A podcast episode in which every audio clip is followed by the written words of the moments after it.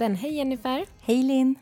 Du, idag så ska ju vi prata om eh, någonting som många väljer att komplettera sin foderstat med och det är ju olja till sina hästar. Eh, och idag ska vi reda ut då vilken olja som är bäst och varför olja kan vara ett bra foderkomplement. Eh, men jag tänker att det första vi kanske ska börja med att prata om det är vilka olika typer av oljor som det finns egentligen. Ja, det finns ju många olika typer av oljor och några exempel på de man kan ge till häst är till exempel rapsolja, linfröolja, nigellaolja, majsolja, paraffinolja, solrosolja, vetegroddolja. Ja, det finns ju fler oljor och sen så finns det ju också oljor där man har valt att blanda olika råvaror. Som till exempel våran hippolinol som vi har i vårt sortiment. Och den består av linfröolja, vetegroddsolja, solrosolja och majsgroddolja. Men du, vad ska man tänka på då när man väljer eh, olja till sin häst?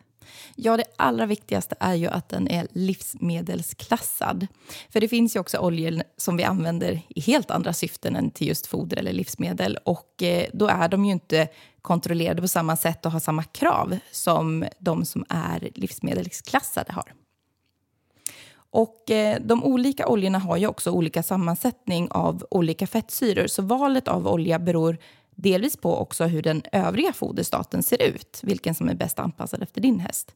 Men man ska också fundera lite på vilket syfte man kompletterar oljan. Den enda oljan som hästen inte tar upp, utan som faktiskt fungerar smörjande, eh, är ju paraffinoljan. Och eh, jämför man paraffinoljan med till exempel rapsolja eller linfröolja som är vegetabiliska oljor så passerar alltså paraffinoljan igenom mag-tarmkanalen i princip helt opåverkat. Och fungerar ju därför då smörjande. Eh, så att egentligen, många ger ju olja i syftet att fungera just smörjande och att eh, hjälpa till lite vid förstoppning eller förstoppningskolik och sådana saker. Eh, och då är det egentligen bara paraffinoljan som har den effekten. Och övriga oljor tar alltså hästen upp och tillgodogör sig eh, och kan tillföra kalorier helt enkelt i foderstaten. Och det är viktigt att tänka på att eh, olja endast tillför då kalorier i foderstaten och varken protein eller mineraler. Men du pratar ju om att den tillför kalorier, eh, inga proteiner, mineraler. Men hur ser då näringssammansättningen ut i de här olika oljorna? Ja, vegetabiliska oljor skiljer sig inte så jättemycket i näringssammansättning. Man utgår ungefär ifrån att de har 35 till 40 megajoule per kilo foder i omsättningsbar energi och 0 gram smältbart råprotein per kilo foder. Så energimässigt innehåller olja ungefär tre gånger så mycket som till exempel kon gör per kilo foder. En energibomb alltså? Det är en energibomb. Eh, men när brukar vi rekommendera att man ska tillsätta olja i foderstaten då? Ja, som sagt så är det ju väldigt koncentrerat med energi i Eh, just olja, så det är ju väldigt kaloririkt. Eh, för när vi pratar energi fodermässigt, då pratar vi framför allt mycket om kalorier. Och eh, det är ju bra att komplettera till tunna hästar. Eh, till exempel om man har eh, en häst som går på fri tillgång grovfoder men inte lägger på sig vikt ändå eh, så kan en väg att gå att komplettera med lite extra olja i sin foderstat. Eh, det kan vara att man ger hästen väldigt mycket stärkelse redan i sin foderstat och vill kanske inte öka ytterligare på stärkelsen, till exempel hos hårdtränade hästar, alltså travhästar, galopphästar som kanske får en stor tilldelning kraftfoder och då kan olja vara ett bättre alternativ att gå via. Så det, det finns flera olika bra syften med att ge olja. Mm. Eh, vi har fått in en fråga innan här eh, och den lyder jag har ett väldigt proteinrikt grovfoder, börja komplettera, med eh, komplettera upp energiintaget i foderstaten för att uppnå en perfekt kvot, 6 gram eh, mega, per megajoule i foderstaten. Ja, det beror ju lite på. Optimalt är ju att man har en bra balanserad foderstat utifrån hästens näringsbehov. Och har man då en lättfödd häst är det ju en bra idé att komplettera med halm för att balansera upp ett proteinrikt grovfoder eftersom halm i princip inte innehåller något protein alls men samtidigt har ett lågt energiinnehåll, eller det vill säga kaloriinnehåll. Då. Men har man däremot en svårfödd häst så kan det vara bra att komplettera med olja istället om man har svårt att eh, eh, ja, få upp hästen i hullet och man har en väldigt stor andel grovfoder i sin foderstat. Och där kan man väl säga att det egentligen handlar mer om att eh, liksom anpassa eh, energi eller då kaloriintaget för hästen egentligen. Eh, när bör man inte komplettera med olja då? Ja, vi rekommenderar ju sällan hästar som är lite i överhull att utfodra med extra olja. Eh, det ger bara onödiga kalorier i foderstaten. Mm. Eh, man tittar ju på hur, nat hur, hästens naturliga foderkällor ser ut så är ju eh, det hästen äter naturligt gräs och gräs har ju ett väldigt lågt fettinnehåll. Och det har ju också gjort att hästens matsmältningssystem är anpassat efter ett lågt fettintag eh, och har därmed en begränsad möjlighet att bryta ner fett. Eh, vad beror det här rent fysiologiskt på och eh, hur mycket olja kan man egentligen fodra till hästen? Ja, hästar är ju ganska duktiga ändå på att bryta ner fett men det är ju om de tilldelas en låg mängd åt gången. Ehm, och anledningen till det här är att de inte har någon gallblåsa som vi människor har. Ehm, för istället så eh, för att gallblåsan den hjälper ju till att justera mängderna utsöndring av gallsalter. Och eh, istället då så, så utsöndras de här gallsalterna ifrån levern på hästar. Mm -hmm. Och de här gallsalterna, vad har de för betydelse då? Ja, de fungerar lite kan man säga som ett diskmedel. Att de löser upp fettet så att eh, enzymerna kan komma in lite lättare och bryta ner det. Och det här sker ju då i hästens tunntarm. Och eh, skulle det vara så att hästen får för mycket fett på en och samma gång finns det risk att fettet inte bryts ner och tas upp tillräckligt bra i tunntarmen och går vidare till grovtarmen där det kan skapa en störning i tarmfloran och eh, hämmar eh, fiberjäsningen helt enkelt här. Och rekommenderad maxgiva då, eh, enligt utfodringsrekommendationer från SLU till en häst är 75 gram olja per 100 kilo kroppsvikt och dag. Eh, och vegetabilisk olja väger ungefär 90 till 95 gram per deciliter. Eh, så det motsvarar ungefär 4 deciliter olja till en häst på 500 kilo. Och eh, det här är ju då under förutsättning att man har invant det under en långsam, eh, successivt under en period långsamt. Ja, och lite grann så här att en maximal IVA betyder inte att det är en rekommenderad IVA heller. Nej, utan, precis. Eh, du pratar om fett. Eh, jag tänker så här, vad består fett av och vad gör det i kroppen? Ja, fett består ju av någonting som man kallar för triglycerider som i sin tur består av tre stycken fettsyror som är bundna till en glycerolmolekyl. Och vilka fettsyror som ingår är lite avgörande för fettets egenskaper. Och eh, fettets viktigaste funktion i våra kroppar, men också i hästens kroppar, eller hästarnas kroppar, är ju att det fungerar som en energilager, men också skydd för organ. Sen är ju också fett viktigt för upptaget av fettlösliga vitaminerna, A, D, E och K. Och viktig i cellernas uppbyggnad och eh, reparation av cellerna i kroppen. Och till skillnad då från växter så fungerar det så att Eh, växter istället kan inte lagra in fett som energi, utan de lagrar in energi i form av kolhydrater. Och därför är det, eh, det beror på det som att gräs innehåller lågt med fett. Mm, intressant. Eh, det finns ju som sagt olika typer av fettsyror och eh, det finns några som är extra intressanta att tänka på när man gäller just utfodringen till hästar. Vilka är de? Ja, de flesta fetter som kroppen behöver kan ju faktiskt hästen bilda själv. Och eh, det bildas från kolhydrater eller proteiner. Eh, men linolsyra, eh, som är en typ av omega-6-fettsyra och linolensyra, som är en omega-3-fettsyra och arakidonsyra, de kallas för essentiella fettsyror, vilket innebär att de måste tilldelas via fodret. Eh, arachidonsyra, eh, dens viktigaste roll i kroppen är att tillverka något som kallas för ikosanoider, det här är svåra ord, ikosanoider, som fungerar som eh, signalsubstanser. Eh, och en som säkert många har hört talas om är prostaglandin. Eh, och eh, omega-3-fettsyror tillverkar också de här ikosanoider eh, och är involverade i immunförsvaret genom dess antiinflammatoriska effekter bland annat.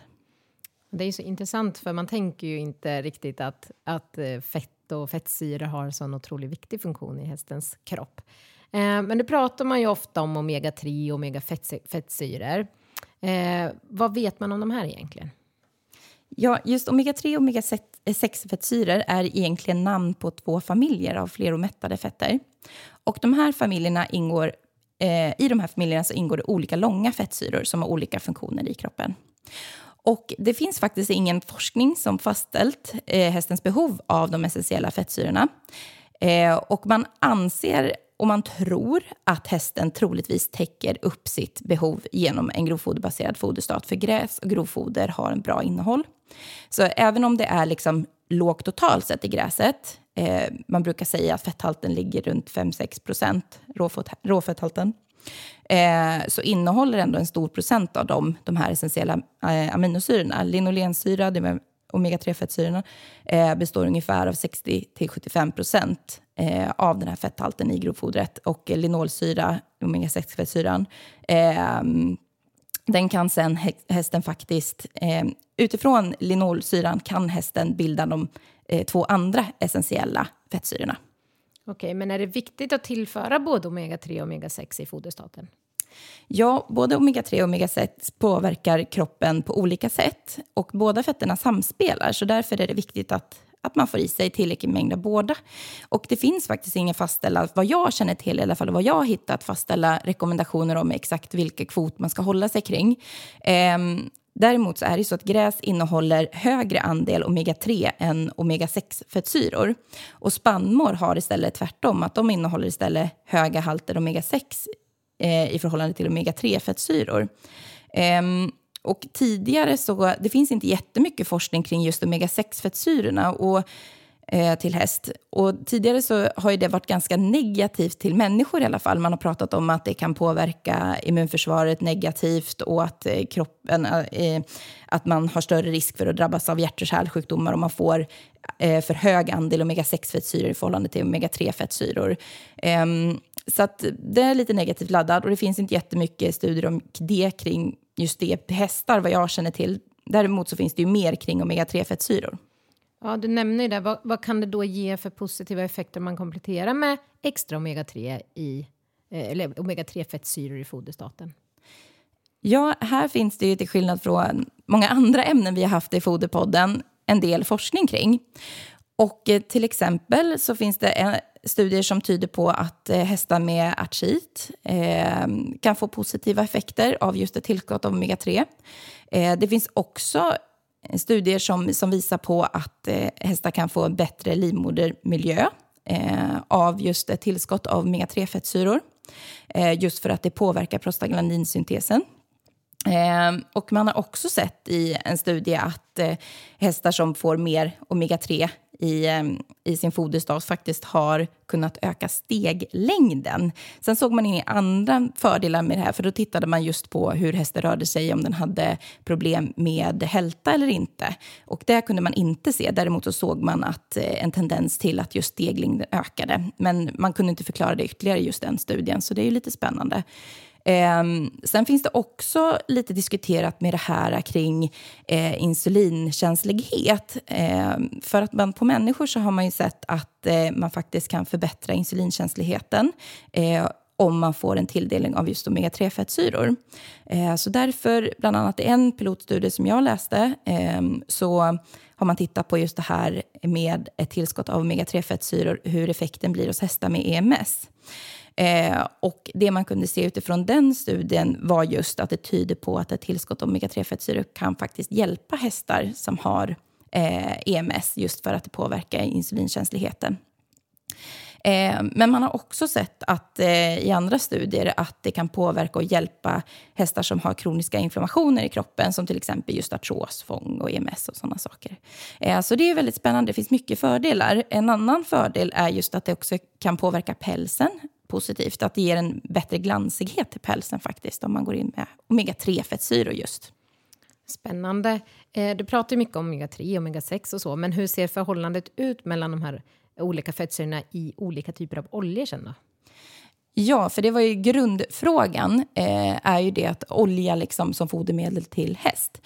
Och eh, vill man välja en olja som innehåller mycket omega-3 fettsyror så är linfolja helt klart den, den bästa. Jämför man dem så innehåller den 57 gram eh, omega-3 fettsyror jämfört med omega-6 som den innehåller ungefär 16 gram. Eh, jämför man till exempel med raps, eh, rapsolja som är väldigt vanligt till häst också så innehåller det 10 gram omega-3 fettsyror och 22 gram omega-6 fettsyror. Så det är lite skillnad beroende på vilken man väljer. Eh, och eh, väljer man den för att man vill ha de här bra effekterna som jag precis nämnde, eh, som har visats i studier, då är det ju mycket bättre att välja linfröoljan i sin foderstat. Eh, ger, man mycket, eh, ger man mycket stor andel spannmål i sin foderstat är det också en fördel om man väljer linfraolja eftersom spannmål innehåller mycket omega-6-fettsyror just för att balansera upp det lite bättre. Mm. Ja, det är otroligt intressant. Um, om man skulle ge hästen för stor giva olja på en och samma gång eh, utan då tillvänjning, vad finns det för negativa effekter av det här? Ja, jag nämnde det ju lite tidigare att eh, om man ger den för mycket på en och samma gång eh, så finns det risk att det stör mikroorganismerna eh, i grovtarmen och framförallt stör miljön det här eh, som i sin tur då påverkar fibernedbrytningsförmågan. Eh, och en störd tarmflora kan ju också leda till att hästen får problem med diarré och till exempel kolik och sådana saker. Så att tänk på att man håller sig till rekommenderad maxiva då, som är 75 gram olja per 100 kilo kroppsvikt och dag, som vi nämnde tidigare. Eh, avslutningsvis då, eh, något som man bör tänka på eh, när man eh, fodrar eventuellt olja då extra, det är att behovet av antioxidanter, till exempel då vitamin E, kan öka. Eh, och det är ju framförallt också då om oljan innehåller en hög andel fleromättade fettsyror. Så det är bra att ta med sig. Och jag tänker att antioxidanter kanske är någonting som vi kan fokusera på i ett kommande avsnitt av Foderpodden. Ja, vi har inte pratat så jättemycket om det i tidigare avsnitt, så det kan vara en spännande, eh, spännande ämne längre fram att diskutera mer. Det tycker jag. Eh, vill man komma i kontakt med oss då kan man antingen ringa oss på 0413 486 100 eller så mejlar man då på info Tack så mycket för idag Jennifer. Tack.